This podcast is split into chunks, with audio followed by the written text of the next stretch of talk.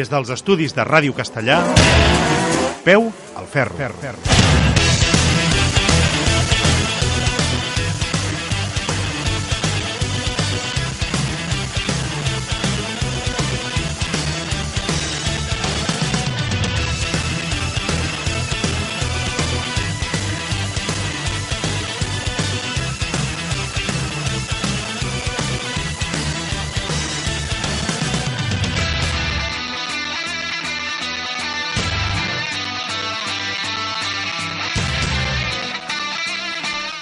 Benvinguts una setmana més a Peu al Ferro, el magazín de motor en català. Última setmana i últim programa de l'any, amb el que arribem al final de la temporada esportiva del 2016 per començar el 2017 amb més força que mai. Uh, I com a final de festa, avui parlarem del superprestigio Dirt Track d'aquest dissabte a Barcelona, on podreu escoltar el que ens van explicar el campió Marc Márquez i el Toni Elias, el que van poder entrevistar després de la segona posició a la superfinal d'aquesta prova. La setmana passada parlàvem de Miquel Molina i del DTM, i avui el tindrem a peu al ferro perquè ens expliqui el seu futur professional. No deixarem de banda el Rally Dakar, que donarà començament aquest pròxim 2 de gener a la ciutat argentina d'Asunción.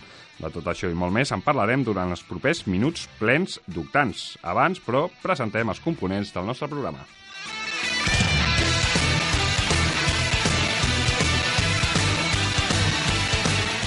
A la meva dreta, com cada setmana, la veu de la ràdio, la veu del motor, l'Anna Parera. Hola a tothom. Compte, perquè avui a l'Anna Parera li ha sortit competència i avui tenim amb nosaltres una nova veu femenina del motor. Ja va ser amb nosaltres el Superprestigio i avui ens ho explicaràs la Patri Trapero. Benvinguda a Peu al Ferro. Hola, moltes gràcies.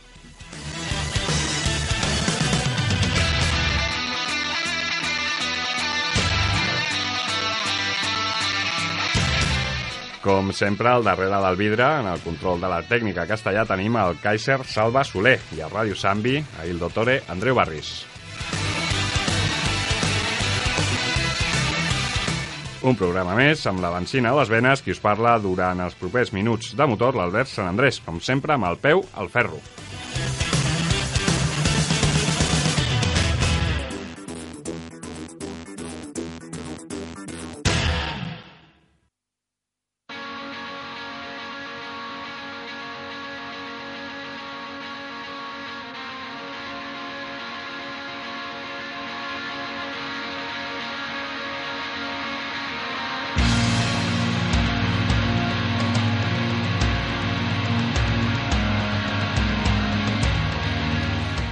Com us avançàvem fa un moment, avui comencem parlant del Superprestigio Dirt Track, que va celebrar-se aquest dissabte al Palau Sant Jordi de Barcelona, i on per segona vegada el campió del món de MotoGP, el Marc Márquez, va alçar-se amb la victòria absoluta. Ens ho explica la Patri Trapero.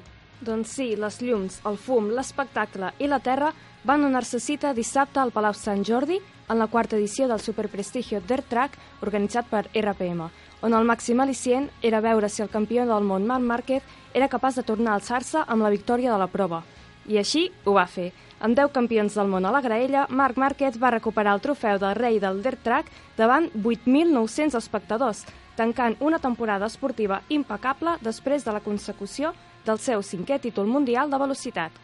Un sorprenent Tony Elias va aconseguir la segona plaça després d'avançar a l'americà Brad Baker, el campió de l'AMA Pro Flat Track i guanyador de dues edicions del Superprestigio.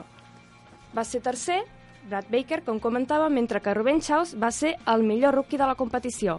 Márquez va tenir una nit brillant arrasant en totes les finals de la categoria Super Prestigio, encara que el nivell de competitivitat d'aquesta edició va ser altíssim, portant el pilot a sofrir una lleugera caiguda sense conseqüències. La tensió en les finals va portar més d'un error de pilotatge amb dos pilots lesionats, el campió de la Copa FIM de Flat Track, Francesco Cecchini, i l'espanyol Ricky Cardús. Julián Simón va haver de saludar els seus fans sense la seva moto després de lesionar-se en les mànigues matinals. La sorpresa del dia va ser un ràpid Toni Elias. El pilot de Manresa va mantenir un ritme brutal a la superfinal i va avançar Brad Baker allunyant-se de l'americà per aconseguir la segona plaça. Baker no va poder mantenir el ritme per defensar el segon calaix del podi, quedant-se a l'esglaó més baix. A la categoria júnior, Max Sánchez aconseguia la pole position pel matí, però era Brian Uriarte qui s'imposava les dues mànigues, deixant el campió de la Copa, Rodi de Dirt Track, al segon esglaó del podi. Sánchez, però, va mostrar el seu estil postulant-se com a una de les noves promeses del motociclisme mundial en només 9 anys. Déu-n'hi-do, déu nhi déu com ho va fer el, el nebot del Carmelo Morales, molt amic nostre també. Què et va semblar? Què et va semblar aquesta cursa? Si parlem de la superfinal, uh, va ser molt emocional. L'únic que sí que haig de comentar que potser Brad Baker va decepcionar una mica, no? S'esperava potser més d'ell. Sí, home, un campionat del món de, de dirt track sempre sempre s'espera la victòria, no? Però, clar, és, com, Home, però- com deies ara, hi havia molt, i molt nivell aquest any, i el, i el Márquez anava, an, anava, anava- bueno, impressionant. Anava, anava a tope. Sí, però, clar, 4 segons i mig va quedar Brad Baker de, del campió de Marc Márquez.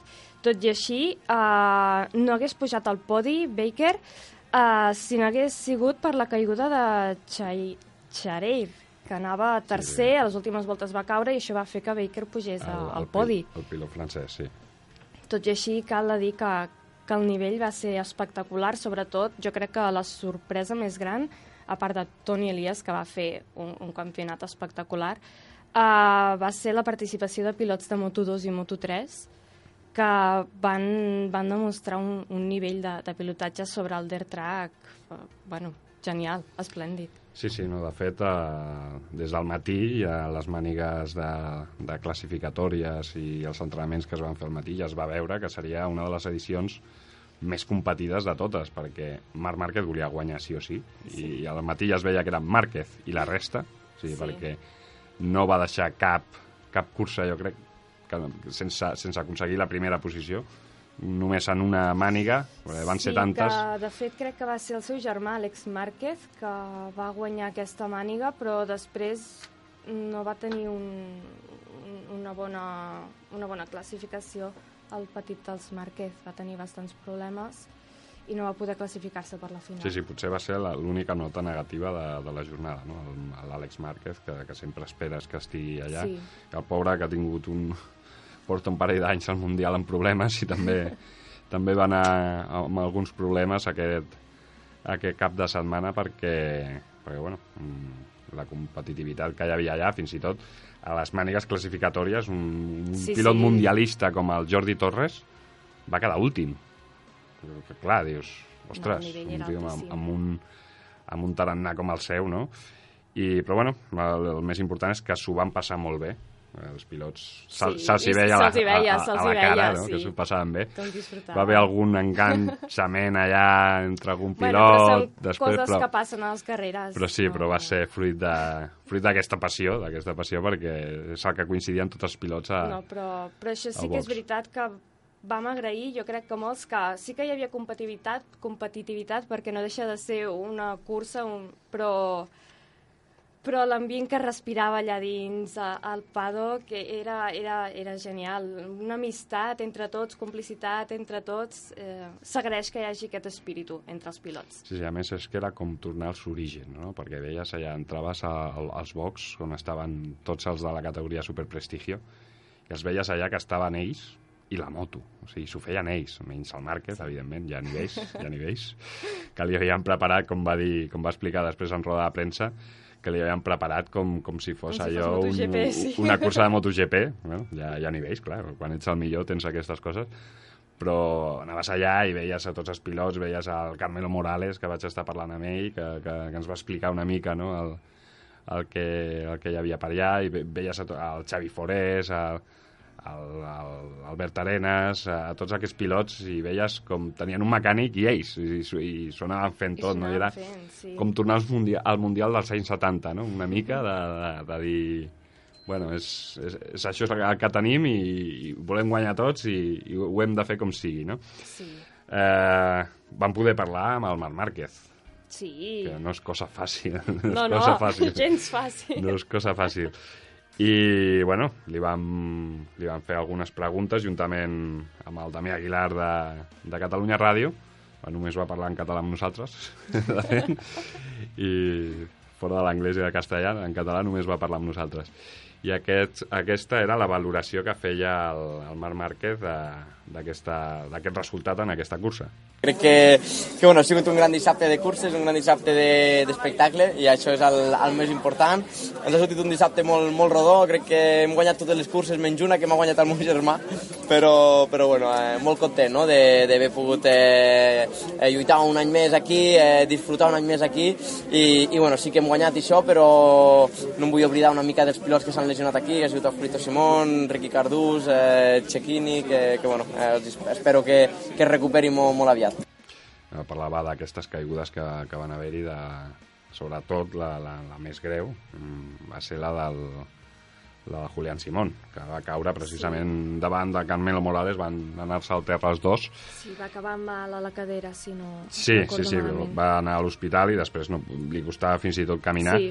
però va sortir a aquella presentació tan maga que sí, van fer. Sí, de fet, bastant emotiu perquè va sortir amb la samarreta commemorant a Luis Salom. Exacte. Va sí, ser sí. bastant emotiu, la veritat. Sí, i ara que parlem del Luis Salom, va fer una cosa molta gràcia, no? que va ser el Max Sánchez al podi, que estava segon, quan li van donar la copa, el Max Sánchez i el, bueno, el Carmelo Morales eren molt amics del, del Luis Salom. De fet, ja tenen moltes fotos a les xarxes socials amb ell i tal. I li va dedicar aquesta segona posició un nano de 9 anys que està... Sí, sí. Que està, bueno, jo personalment crec que serà una de les promeses a tenir en compte pel futur, perquè aquest nano, o sigui, la, la, el comportament que té és, és d'un professional de, de 30 anys. No? Home, jo deixar... vaig tenir el plaer de conèixer-lo i, i vaig quedar sorpresa realment. Jo vaig quedar aturat, em vaig quedar parat parat perquè, ostres, un nano tan petit, sí. eh, també el Brian Uriarte, també, i són nens, i veus que sí, són, sí, nens, són nens, però que tenen una, una professionalitat tan petits que déu nhi no? Que, que dius, ostres, aquesta gent ho, ho, ho fa ja bé des de, des de petit. El Márquez ens va, ens va dir més coses. Vam preguntar-li per la dificultat aquesta de que parlàvem ara de, de, de poder guanyar aquesta cursa, i això, això ens va dir. Eh, sabia que no seria fàcil perquè Brad eh, Baker porta un mes aquí anar rodant a les pistes que tenim nosaltres eh, eh, per adaptar-se bé i, i sabia que aniríem a un gran nivell. Eh, potser és l'any que, honestament, he entrenat menys perquè després de ser campió té unes conseqüències i tens molts, molts events i no pares per casa, però, però bueno, crec que hem fet una gran evolució. A l'equip també, pues, eh, l'equip és incondicional, no? sempre està allà, s'ho pren molt seriosament, eh, ho tenien tot apuntat al Santi com si fos una carrera de MotoGP i això també, vulguis o no, ajuda. Això era el que parlàvem ara, no? de, del seu equip que li va preparar, ja ho va explicar ahir també, que li van preparar la cursa com si fos una cursa de, del Mundial, no? I clar, sí. mm, això es notava, no? Anaves al box, era el més gran, eh, allà a l'espai on estaven, estava ballat, perquè ballat, clar, sí. evidentment tothom anava allà i tothom volia entrar allà, no? Perquè, clar, normal. També una de les coses que, que, van, que van sobtar molt a tothom van ser la gran quantitat de caigudes que va haver-hi aquest any.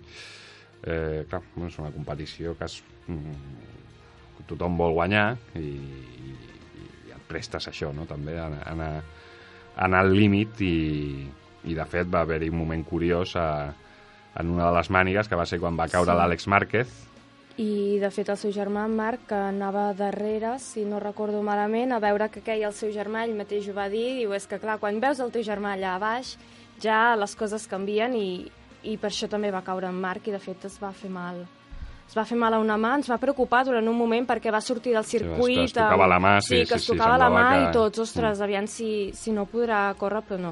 Sembla que va ser algun mínim per sort va poder tornar, bueno, com tots els altres pilots, mm. van poder tornar a sortir a córrer. Sí, sí, de fet tenia inflada la mà una mica quan, sí. quan va acabar la roda de premsa, ja, sí, ja ho va dir també. Sí, dit inflat, sí. I, però bueno, no va passar res, ja ho va dir ell, no? I és que quan veus el teu germà al terra, Exacte. la concentració se te'n va, no? Sí, I va, sí, va anar al darrere ell. En comptes d'anar per l'interior, va anar per l'exterior i va caure. Va caure dues vegades, de fet, el, el Marc. Va caure a les tandes del matí, va caure una caiguda a l'última volta més de, de, mm ja de, crec, la segona, si no recordo malament, la segona classificatòria o la segona o la tercera, si no, no recordo ben bé, i va caure ell sol. I a més és que anava molt lent. Jo crec que potser va provar-ho, a veure què passava, perquè va ser una caiguda passa, no? molt estranya. De fet, tenim la foto d'aquesta caiguda i va ser, va ser una mica estranya de dir com caus així quan, quan vas més, més fort. També li van preguntar per aquest tema, pel, pel tema de les caigudes. Per què ha caigut tanta gent? Eh, vas amb una moto sense freno de davant, eh, patine, eh, arribes a final de recta 8 pilots en paral·lel, eh, només entre un, eh, bueno, entren 8 i surt un. eh, així. Sí, sí, sí, la veritat és que, que les caigudes eh, formen part de les motos, no? I, bueno, aquest any n'hi ha hagut eh, moltes, però jo crec que una de les raons eh, sobretot a la nostra categoria, és que aquí venen els pilots que realment amen, bueno, amen, eh, estimen, estimen, estimen la, la moto i, i, i bueno, venen aquí a donar-ho tot, no? Eh, i, I bueno, eh, ho han donat tot. Eh, per mala sort alguns eh, que s'han lesionat o almenys han tingut algun susto, però bueno, espero que, que es millorin aviat. Doncs, no, això era el que deia el que dèiem al Márquez d'aquestes caigudes, no? Uh -huh. uh, D'altra banda, uh, potser es va trobar a faltar no, la competició uh, més pilots de MotoGP.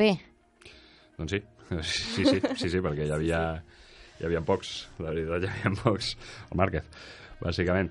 Doncs sí, això també també ho, va, ho vam parlar amb el Márquez. De fet, havia de venir el Nicky Hayden, uh -huh. expilot de MotoGP, excampió del món també, que ara està al Mundial de Superbikes, però va patir una caiguda entrenant, això del disc track és el que té, ja ho va dir el Rossi, no? que el motocross és perillós, ell en fa també, és el que no entenc, no? que dir coses d'aquestes, però, però bueno, sí, és, és perillós i, sí, sí, sí. i, i es va lesionar.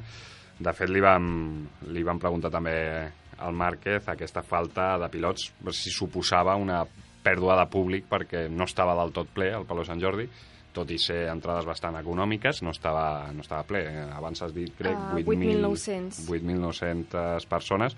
Déu-n'hi-do, déu nhi no. el que hi havia, també, sí, sí. I això és el que va dir el Márquez d'aquesta falta de pilots. Sí, està clar que contra més pilots de MotoGP hi hagin, eh, molt millor, no? I, i això crec que, que bueno, eh, aviam, aviam si es van, a, si es van animant. Eh, una de les baixes importants ha sigut el Nicky Hayden, que està apuntat però es va lesionar l'últim test de Superbikes i no va poder vindre. Eh, aviam, aviam, aviam si, si hi ha una altra edició i, i podem eh, convèncer algun pilot de, de, moto, de MotoGP. Jo està clar que si hi és una altra edició hi seré. Eh, sempre tens el risc de que et guanyin, de que hi hagi alguna petita lesió, però, però bueno, al final eh, també hi ha, hi ha risc altres altres llocs i, i bueno, eh, esperem que, que això vagi creixent, no? I una de les coses més importants és que el nivell a pista creix i crec que l'espectacle aquest any ha sigut eh, una cosa, les caigudes eh, són dolentes per nosaltres, però per la gent eh, és espectacle, no? Així que, que bueno, eh, són coses que, que formen part de, de l'ofici. Sí, sí, sí. No ens agraden les caigudes, però són espectaculars, sobretot. Però si forma sobretot... part de l'espectacle. Exacte. Van haver-hi un parell de caigudes, no recordo quina final, amb el japonès, tampoc recordo el nom, perquè els japonesos són difícils de pronunciar, que li va passar la... que és Masatoshi Omori. Aquest mateix. Ja no me'n recordo, ja no el sé tornar a dir, aquest nom, o sigui, perquè jo els noms japonesos, mm, tret de Suzuki, Yamaha i Honda, em, em costen de recordar. I sí, que li va passar una moto pel sobre, es va quedar estès allà, sí, es va fer sí. el silenci, i ell mateix es va aixecar a l'estona després d'haver reposat el cop i va tornar a sortir. O sigui, quan tothom pensàvem que no sortiria més, perquè, clar, et passa una moto per sobre, mmm, jo potser estic una setmana a l'hospital, si em passa el que li va passar a ell. I el tio va agafar la moto per sortir a les proves aquelles que van fer després de, de tombades. Va sortir i va guanyar, a més. O sigui, es va portar l'aplaudiment del públic. A més, era, era el guanyador era gràcies a, als decibels que generaven el, el, el seu torn de, de, de participar, no? I sí. recordo que el segon, que va ser el Ricky Cardús, o el Ferran Cardús, no recordo quin dels dos, eh, va fer 101 decibels, de fet és que estava al costat de l'aparell, diria, sí. i aquest japonès va fer 109. O sigui, és que va ser espectacular el que va, va ser, fer. Sí, sí, sí, va ser la diferència. És un pilot molt estimat, que ja ha vingut en d'altres edicions també aquí, es dedica a això, al flat track, o sigui que també és un expert, un expert en això. També li van preguntar, en el moment que ja em vaig quedar sol ante el peligro davant Márquez, que ja se m'havien... El Dami Aguilar ja li va fer totes les preguntes, ja no em quedaven gaires, i allà sola davant del perill li vaig fer la pregunta a Márquez, que va ser una pregunta bueno, simpàtica, graciosa o potser tonta, fins i tot. Eh? Guanyes en asfalt, en terra, què, què és el següent? Neu, aigua... Bueno, la... sí que amb asfalt he, he guanyat, però sempre ho he dit, no? vinc del món de la terra, eh, vinc del món de, de, de l'off-road i, i a les meves terres és, lo, és el que es practica més i, i és el que entreno jo habitualment, però, però bueno, el món em va portar, una mica el món em va portar cap allà, cap a la velocitat, però aquí realment disfruto, disfruto molt i, i bueno, eh, el més important és disfrutar damunt la moto, que és, eh, que és el, que ens fa, el que ens fa guanyar. I és que, a més, ho gaudeix. Eh, disfrutar amb la moto... Sí, sí, però és que ho fa. És que, que a sobre es nota que ho fa. O sigui, Home, ja poques... ho va dir, no? Visc per la moto, exclusivament. Per sí, sí, no, evidentment. Sí, sí, no, i se, se li nota. A més, és, és, era el centre d'atenció, evidentment, en aquesta cursa i li cridaven, jo vaig estar allà a la graella al seu costat en, en el moment de la cursa aquella del públic que va sortir a córrer una cursa femenina i una masculina. Sí, que... sí. bueno, una cursa una va mica estranya. curiós. Sí, va ser curiós. I jo ahir era al seu costat, no?, i, i tothom li cridava des de la grada i es girava i es feia fotos amb la gent, o sigui... Clar, l'ambient també és molt més distès que una cursa del Mundial, aquí si perden no passa res, venen a passar-s'ho bé i a sobre guanyen. O sigui, déu nhi sí, sí. I bueno, i això va ser el que ens va dir el Marc Márquez, amb qui també vam parlar, i, una estona llarga, eh, fins Sí, i tot. bastant. Vam acabar, jo crec, abans l'entrevista ja per llàstima, perquè el, el, el pobre Toni Elias estava allà a la sala de premsa, tothom l'anava entrevistant, eren les 11 de la nit, ja era tard, teníem gana, allà. que no havia sopat, nosaltres tampoc, però vam poder... ens va, ens va donar una entrevista que li estem molt agraït. Mm, jo no el coneixia d'abans eh, en persona i s'ha de dir que era un, un nano molt simpàtic, també Sí, tampoc molt no- estil Márquez. No el coneixia i, i em va sorprendre molt. Sí, Una sí. persona molt propera, Exacte, molt simpàtica, sí, sí. molt de l'estil del Marc Márquez, Sí, que és un tio molt proper. Mm. I bueno, ens va, ens va donar aquesta entrevista que vam gravar per escoltar Peu al Ferro. Un superprestigio molt competitiu i has fet una segona posició. Excel·lent, dues parades, un rendiment com aquest. Ha sigut una setmana molt difícil i he anat molt malament tota la setmana. I ahir era el matí i dic, dic al meu pare tu hem d'anar a dalt a Berga a entrenar que necessito investigar algunes coses. I clar, doncs durant la setmana he sentit de tot, no? Que si entres massa passat, que si has de canviar d'estil, que si això no ho fas bé, que no... Al final tio, passo de tot, no m'escolto ningú, la moto em va fatal, ja veurem el meu estil com canvia quan vagi la moto bé. I això ha sigut, no? Vam anar allà dalt, vaig fer unes proves, aviam si funcionava el que portàvem tota la setmana, i ja quan ja vaig veure que no funcionava dic, canvi radical. Canvi, vam perdre mitja hora, vam muntar-ho tot, vaig sortir, hòstia, ara tracciona. Tota la setmana, sis dies sense traccionar. I ara tracciona, doncs va. Canvia no sé què i es fica a ploure. I dic, hòstia, és que no és la meva setmana, tu. Aquest any no toca. Però bueno, mira, doncs anirem al Palau Sant Jordi i allà, una hora, ens centrarem a pensar. Vam ficar el que vam trobar allà dalt, més de tot el que havíem anat provant tota la setmana, vam fer un mix de coses que anaven bé, entre l'experiència del meu pare que hem estat anys a MotoGP veient moltes coses més que aquí durant la setmana ha estat el Cecchini que va ser el tècnic que vaig tenir quan vam guanyar el Mundial. Més trucant al Jared Mis amb un que es diu Dave Zanotti que, que té molta experiència en flat track. Anar agafant idees de tothom hem aconseguit d'ahir a la tarda tenir una bona moto. Una moto que estava al nivell similar de la del Brat, de la del Marc i ens vam posar allà, vam començar a lluitar, em vaig començar a divertir i dic, vale, hem arribat a l'última hora però estem aquí ja i fotrem canya, no? I, però clar, llavors dius, l'any passat estava per fotre canya però això és una loteria, les sortides. Aquest any he sortit sempre molt millor, he practicat les sortides tota la setmana, he fet bones sortides sortint primer, hem guanyat algunes mangues. Quan he estat davant a la primera curva he entrat a sac, quan no he estat davant he tallat gas, els he deixat fer i m'hi han hagut hòsties, vull dir, sempre intentant gestionar una mica tot el que anava passant, però improvisant també. I, i al final, pues, bueno, hi havia hòsties, havia pogut adelantar gent, esperava estar en el pòdium del Superprestigio, però el que no esperava és estar al pòdium de la Superfinal. I ja no esperava poder-me colar. I dic, hòstia, tu, estem aquí a la superfinal de collons, vinga, va, anem a provar, i pam, ja ha sortit, i Mira, hi ha anys que... És el que porto... És el que portava pensant la setmana. Dic, va, aviam si continua la bona energia positiva d'aquest any. I això ha sigut.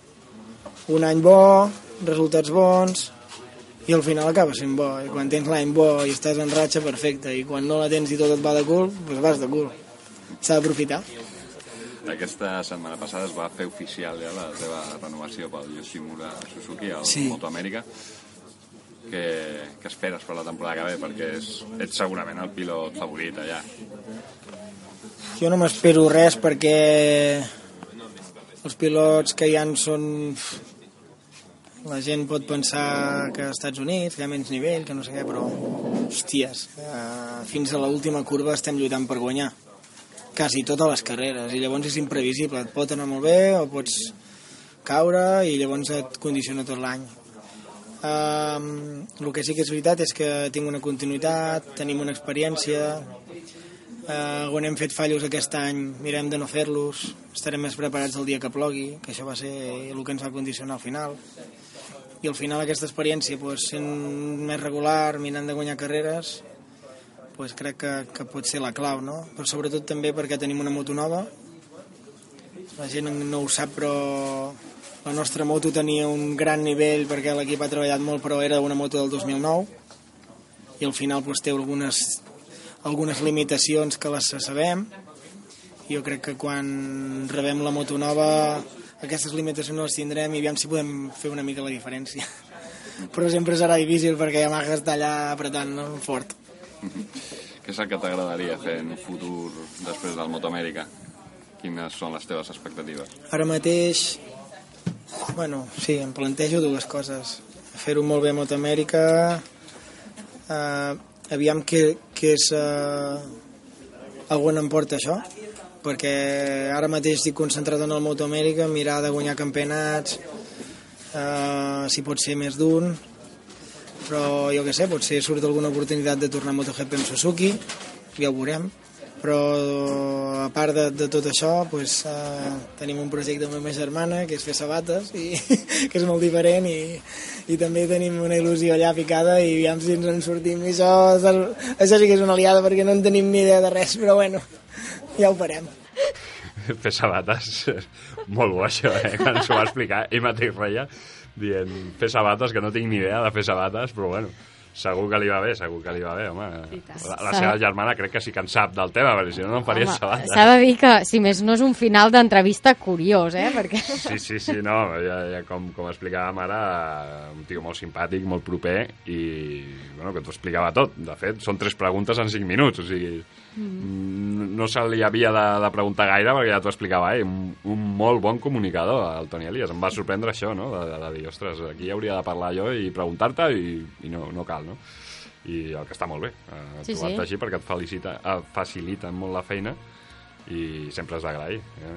I, i a més, home, amb aquesta simpatia del Toni Elias, déu nhi de fet l'anirem trucant l'anirem trucant, ja li vam dir que, que com li fèiem seguiment, que, que el trucarien un dia com la diferència horària és bona mm -hmm. quan fem el programa ell està ja despert, perquè són 7 o 8 hores segons on estigui i ja li vam explicar eh, que fèiem el programa i li vam dir, ens va dir que cap problema, així que anirem seguint aquest campionat del Moto Amèrica com fèiem fins ara, però potser d'una manera més extensa, perquè ara tenim protagonistes ja i ja, ja canvia una mica canvia una mica la cosa i bueno, ja veure que és el gran favorit, tot i que ell no ho volia reconèixer, és el gran favorit d'aquest campionat perquè va arribar, va començar a guanyar i, i l'han fitxat per això aquesta temporada, venia per substituir un pilot i, i ja s'ha quedat. Doncs bueno, això va ser el superprestigio. Si voleu afegir res més, si voleu dir res més. Sembla No, no. més o menys ja està No, ja tot crec que bastant Està explicat, dit, no? no? Sí. Bastant ben explicat. Bueno, eh, hem bona parlat amb el crònica. Márquez, amb el Toni Elias, déu nhi El Brad Baker parlava en anglès, és poc radiofònic, però també també vam parlar, de fet, amb ell, però bueno, és poc, és poc radiofònic per, per s'ha de traduir aquestes coses sí. i, bueno, que tenim una traductora aquí, que no ho hem dit, que la Patri és traductora, tot això, eh? O sigui, déu-n'hi-do. I gironina, traductora i, I gironina. gironina. Déu-n'hi-do, que ve de lluny, eh? que no ve de- d'aquí al costat. Doncs bueno, doncs amb això tanquem, tanquem aquest superprestigio, el quart, la quarta edició, i esperem tornar l'any que ve i veure un Esperem. espectacle tan espectacular com aquest. O sí, eh, que déu-n'hi-do, déu nhi déu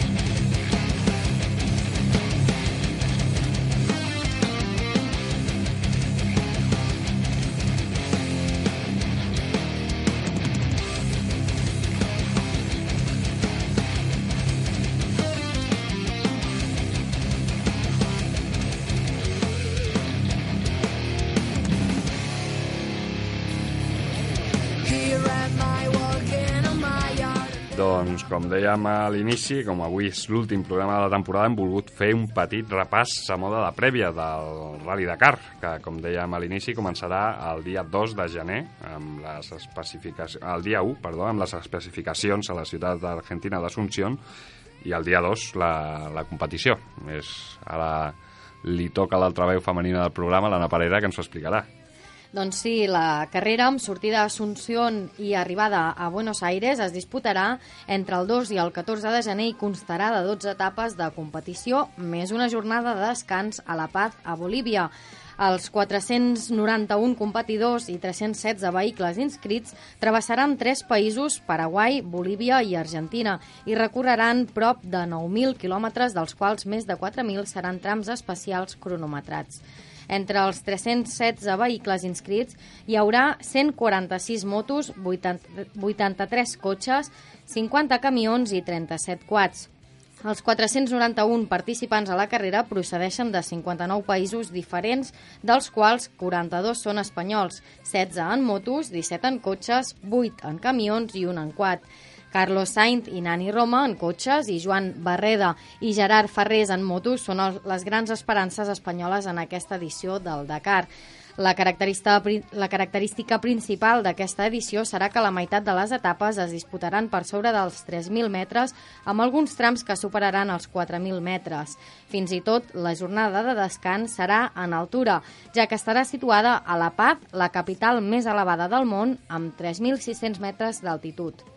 Una altra característica del recorregut serà l'etapa estrella anomenada Super Belén, que constarà de gairebé 1.000 quilòmetres entre els trams d'enllaç i els cronometrats del dimecres 11 de gener, novena etapa de la cursa.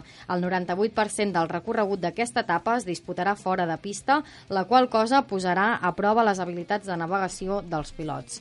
Marc Coma, director de la cursa, ja va explicar que aquesta edició serà la més complicada de les disputades a, Sud a Sud-amèrica, ja que les tradicionals dificultats del raid més dur del món es sumaran les pròpies d'un clima extrem i de l'altura, ja que per primera vegada es travessaran les dunes de l'altiplà bolivià. El Dakar sortirà del, de Paraguai al nivell del mar on la taxa d'humitat pot arribar a ser del 100% al gener i després pujarà fins a gairebé 5.000 metres per passar una setmana completa en altitud. A l'altiplà de Bolívia, els pilots hauran de competir de nit amb temperatures per sota de 0 graus i després baixaran a les, a les càlides planes d'Argentina, perdó, on suportaran temperatures propi, properes als 50 graus. Aquesta duresa pròpia de l'altura i del clima extrem es sumarà la de noves condicions esportives. Els pilots tindran limitada l'assistència del GPS, la qual cosa atorgarà a la navegació i al treball del copilots una major importància. déu nhi amb aquesta edició del Rally Dakar. Sí, sí. És un patiment extrem que pots pot, pocs poden suportar, eh? perquè déu nhi amb, l'alçada d'aquesta edició, bueno, ja ho va explicar el Marc Coma el dia de la presentació, que seria l'edició més dura del raid.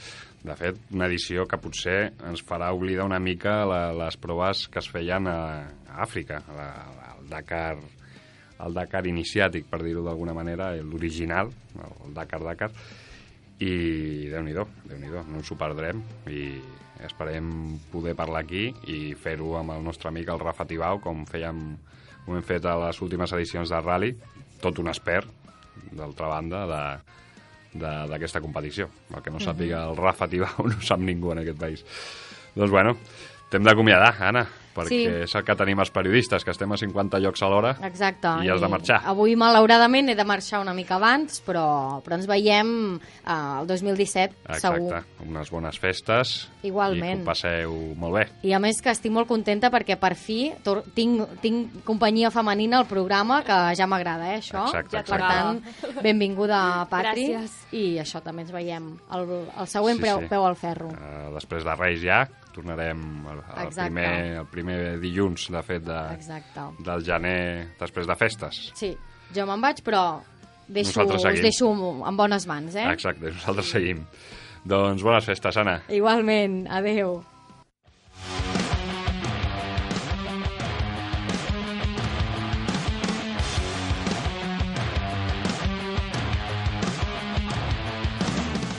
Doncs la setmana passada us avançàvem que el pilot de Lloret de Mar, el Miquel Molina, no seguiria l'equip Audi del DTM després de 7 anys en competició.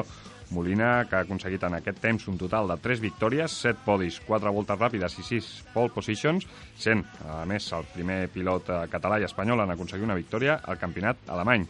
A més, el 2010, l'any del seu debut, va ser el rookie de l'any. Com sabeu, aquí ens agrada molt parlar sempre amb els protagonistes i avui tenim amb nosaltres el Miquel Molina. Miquel, benvingut a Peu al Ferro. Hola, bones. Com et va sorprendre rebre aquesta notícia de que et quedaves fora de l'equip Audi? Bueno, realment no, no m'ho esperava del tot, però, però que havia la possibilitat, no?, aquesta, perquè sabíem la situació que està actualment el grup Volkswagen i realment, doncs, eh, està bastant, estava bastant complicat. Primer van deixar el Mundial de Resistència i, i el Mundial de Ral·lis i, bueno, i amb nosaltres, en aquest cas, doncs, eh, hi ha hagut eh, reestructuració de- d'equip i podia, podia estar la possibilitat aquesta que, que va passar, no? Mhm. De fet, la competència en l'equip Audi, a, a banda d'aquesta reducció de, de 8 cotxes a 6 al, al DTM, la competència, ostres, era força, força dura, no?, amb el Matthias Ekstrom, amb el Jamie Green, el Nico Müller, el Rockenfeller, i ara l'arribada del Loic Duval i el René Rast. Bueno, sí, eh, jo sempre he dit que hauria tingut eh, dels, dels tres equips de dels, les tres marques de, del DTM, jo ha estat la bueno, els pilots que, que més qualitat teníem, no? I, bueno, eh, realment l'any passat eh, sí que és veritat doncs, que, que teníem bons pilots, però, però bueno, vam aconseguir victòries, vam aconseguir pòdiums l'any passat i realment per mi ha sigut un, un dels millors anys que he estat en el DTM. O sigui que en aquest sentit eh, que quedo molt tranquil perquè eh, la situació doncs, de, del, del, de l'any i de la temporada doncs, ha sigut bona. Mhm. De fet, aquesta ha estat la teva millor temporada de les set que has fet amb dues, amb dues victòries. Sí, sí, sí, per això, no? Per això estic, estic tranquil i content perquè hem fet el treball que tocava, eh, hem estat davant en moltes ocasions, hem puntuat molt alt en, en moltes curses i guanyar dues curses de, durant un, un any realment eh, només hi ha hagut eh, quatre pilots que, que han aconseguit eh, guanyar més d'una cursa en el DTM aquest any i jo he sigut un d'ells, no? En aquest sentit, doncs, el que et dic, estic, estic eh, tranquil i content del que he fet aquest any. Mhm. El DTM és probablement totes les competicions ho són, no? Mm, Però el DTM potser és més una cursa, mm, un campionat de rols, no? Perquè amb tants cotxes eh, en un equip potser és, és més difícil poder destacar si no, ja, no tens un nom ja fet aquí, no? Costa acceptar que siguin els altres els protagonistes sabent que pot ser un pilot guanyador? Bueno, jo crec que cada un sabem el que hem de fer, no? I, i realment eh, un, cop, un cop comences la temporada doncs, intentes fer el millor possible i a que a de temporada doncs, ja està clar que, que hem d'ajudar el primer pilot de la que millor classificat eh, durant l'any i, i això està clar, no? Ha sigut sempre així i seguirà sent així en el DTM. Mhm. Eh, S'ha fet difícil treballar aquests set anys amb, amb l'estil de, de treball alemany, que és potser una mica diferent al nostre? Bueno, eh, el principi va ser, va ser complicat, eh, per, sobretot per l'adaptació, no? Eh, com bé dius, la, la forma de treball és totalment diferent, eh, hi ha costums eh, diferents de, de les que estem nosaltres doncs, eh, habituats i al principi sí que va ser, va ser complicat, però, però a poc a poc eh, hem anat agafant tot el que l'experiència necessària i, eh, i ens sentia molt còmode eh, treballant amb ells. La cervesa sí que és bona, no? A Alemanya, per això. sí, això, és, això està bé, està bé. eh, L'any que vas arribar al DTM vas tenir ofertes de la Fórmula 1, arribant a parlar, entre d'altres, amb Force India. Què et va fer decantar-te pel DTM? Doncs eh, que la Fórmula 1 tenies que aportar diners i en el DTM podia ser professional, que era l'objectiu que portava fent eh, des de, portava eh, treballant des de ben petit. I mereix la pena, realment, hipotecar-se com estem veient últimament amb alguns pilots, eh, hipotecar-se per, per arribar a ser pilot de Fórmula 1? Eh, pues, cadascú és, és, és lícit fer, fer el que vulgui, no? Però, però bueno, jo crec que hi ha moltes més opcions eh, darrere de la Fórmula 1. Eh, jo crec que el DTM eh, és una, un exemple molt clar, el Mundial de Resistència és un altre, i jo crec doncs, que, que en aquest sentit eh, hi ha més opcions, no? Però bueno, sí que és veritat que quan ets petit i comences en aquest esport, eh, el que més veus i més repercussió té és la Fórmula 1, no? I, i és amb el que et fixes. Però un cop vas creixent i un cop vas eh, eh, bueno, evolucionant esportivament, eh, jo crec que vas veient altres coses i en aquell moment nosaltres vam, vam saber triar bé i vam aconseguir, doncs, eh, hem aconseguit set anys de, de trajectòria esportiva doncs, professional i treballant per una marca eh, que, que això, com ja dic, ha costat molt, moltíssim treball i des del 2010 doncs, eh, ho vaig poder assolir. Uh -huh perquè segueix sent per tu la Fórmula 1 un objectiu o ja, ja has desistit de, de, pel tema econòmic, com, com explicaves ara?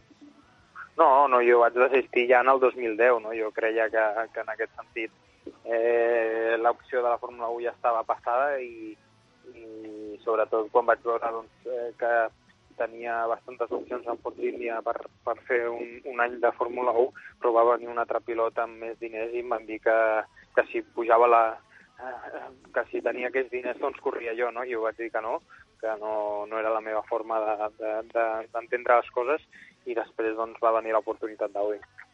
Mm -hmm. Sempre es parla, ara que parlem de Fórmula 1, de les semblances entre els DTM i la Fórmula 1. Mm, és cert, això? Tu que coneixes bé els DTM? Bueno, eh, en quin sentit? En quin sentit? Esportivament? Mas, sí, esportivament, mecànicament, tot una mica. El, el no, jo crec que són bastant diferents. No, no, no, no té res a veure. Eh, la Fórmula 1 és un món molt tancat, un, és molt difícil accedir i el DTM és totalment al contrari, no? Eh, el paddock és obert, els pilots eh, estan propers a, a, a la gent, als fans, eh, tots els que corren a la, en el DTM són, són marques oficials, són, són, són marques, ben, ben dites i, i en aquest sentit la Fórmula 1 doncs, és totalment diferent, no? Però bueno, la Fórmula 1 tots sabem com, com, com és, és un gran negoci allò i, i per això té la visibilitat que té. Del teu futur se n'ha parlat molt aquests últims dies, des de que es va fer oficial la teva sortida de l'equip Audi. S'ha parlat de rallycross, de turismes, de Fórmula E. On et podrem veure realment la propera temporada? Doncs encara, encara encara tindrem que esperar una miqueta perquè estem acabant de, de, de, de mirar la millor, la millor opció, però bueno, sí que és veritat doncs, que eh, en una d'aquestes doncs, intentarem estar-hi i espero doncs, l'abans possible saber el meu futur perquè eh, així passarem les festes més, més tranquils. I ara que no s'escolta ningú. Eh, a tu, si et poguessi, et donessin l'opció d'escollir, on aniries? Què faries? Bueno, jo crec que depèn, no? Depèn les situacions i depèn eh, les, les, bueno, les opcions que, que factibles, no? Però, però bueno, ja et dic, en qualsevol d'aquestes jo estaria, estaria còmode perquè amb l'experiència que, que he, pogut, he pogut assolir amb set anys eh, com a professional d'Audi doncs, eh, podria fer-ho bé en qualsevol de les tres. Mm -hmm. Doncs Miquel Molina, moltes gràcies per ser aquí amb nosaltres per primera vegada en Peu al Ferro. Esperem tornar a parlar per donar una bona notícia de que estàs en un d'aquests campionats i molt bones festes. Doncs moltes gràcies a vosaltres, ha sigut un plaer i esperem que sí, que puguem donar notícies lo abans possible. Segur gràcies, que sí. bones festes. Gràcies, igualment.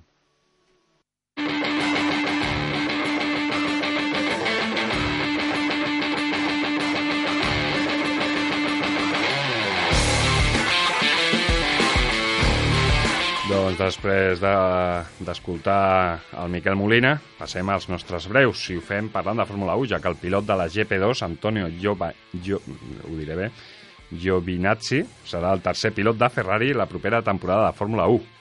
Doncs sí, l'italià Antonio Giovinazzi, com has dit, que va perdre el títol de GP2 contra el protegit de Red Bull Pierre Gasly, ha estat confirmat com a tercer pilot de l'escuderia de Maranello per la pròxima temporada.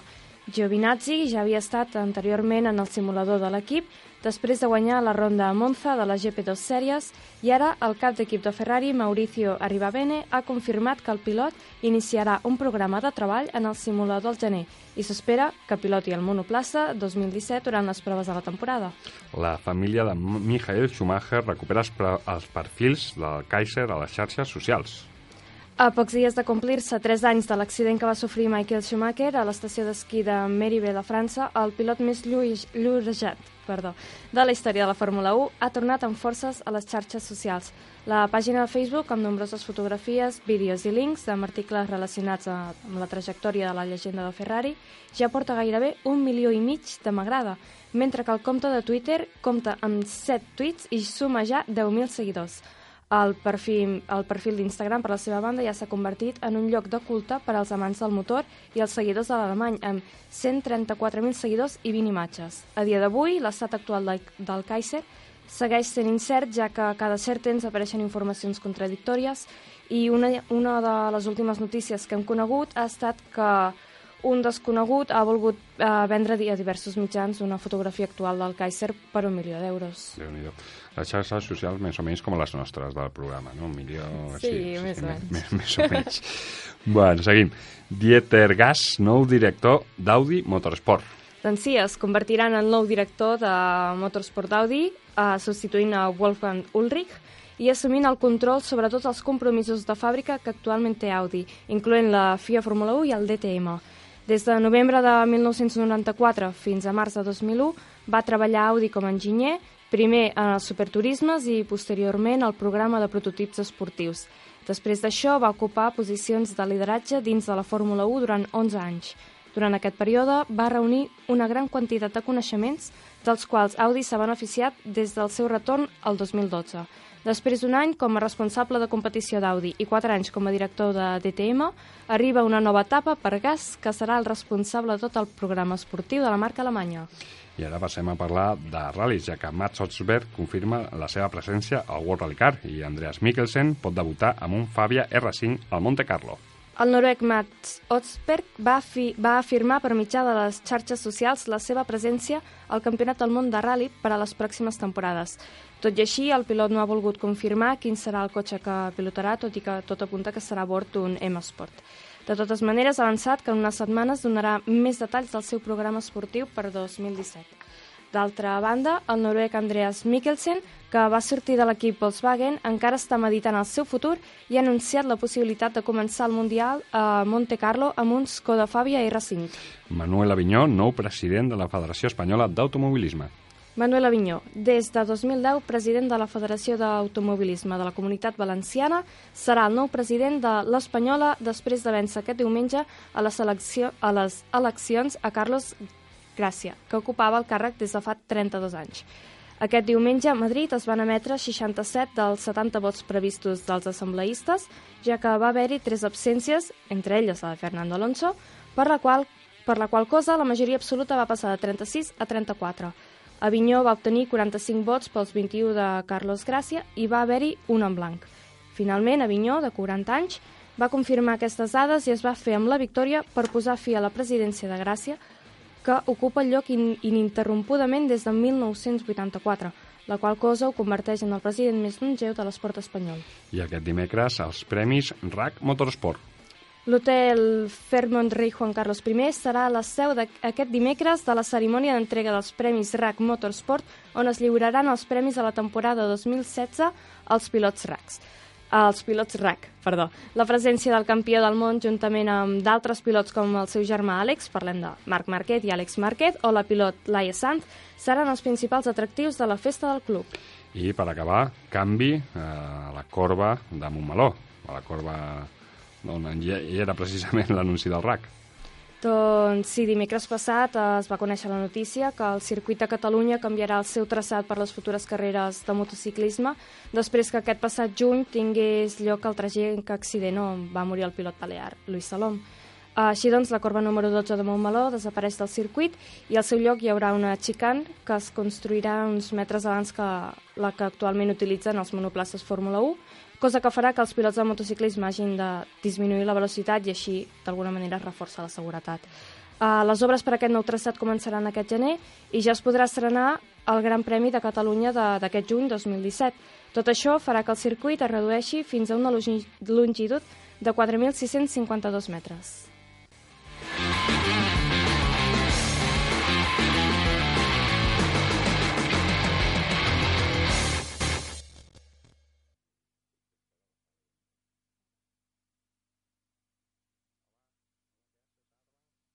Right, you lot are rolling. Ready? Dashing through the snow in a one horse open sleigh. Out the fields we go, laughing all the way. Bells on bobtails ring, making spirits bright.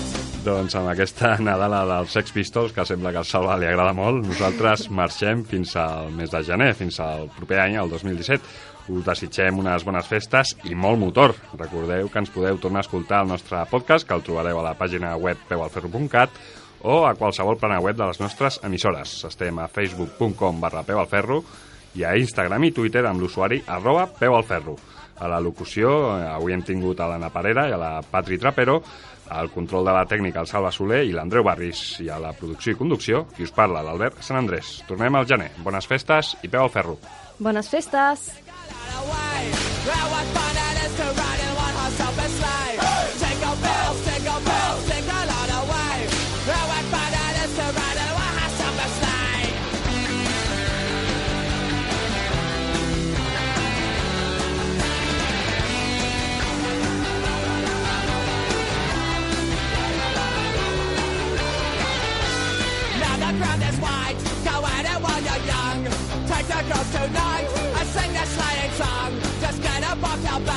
a body for his speed. Hitch him to a sleigh, and then you take the lead. Jingle bells, jingle bells.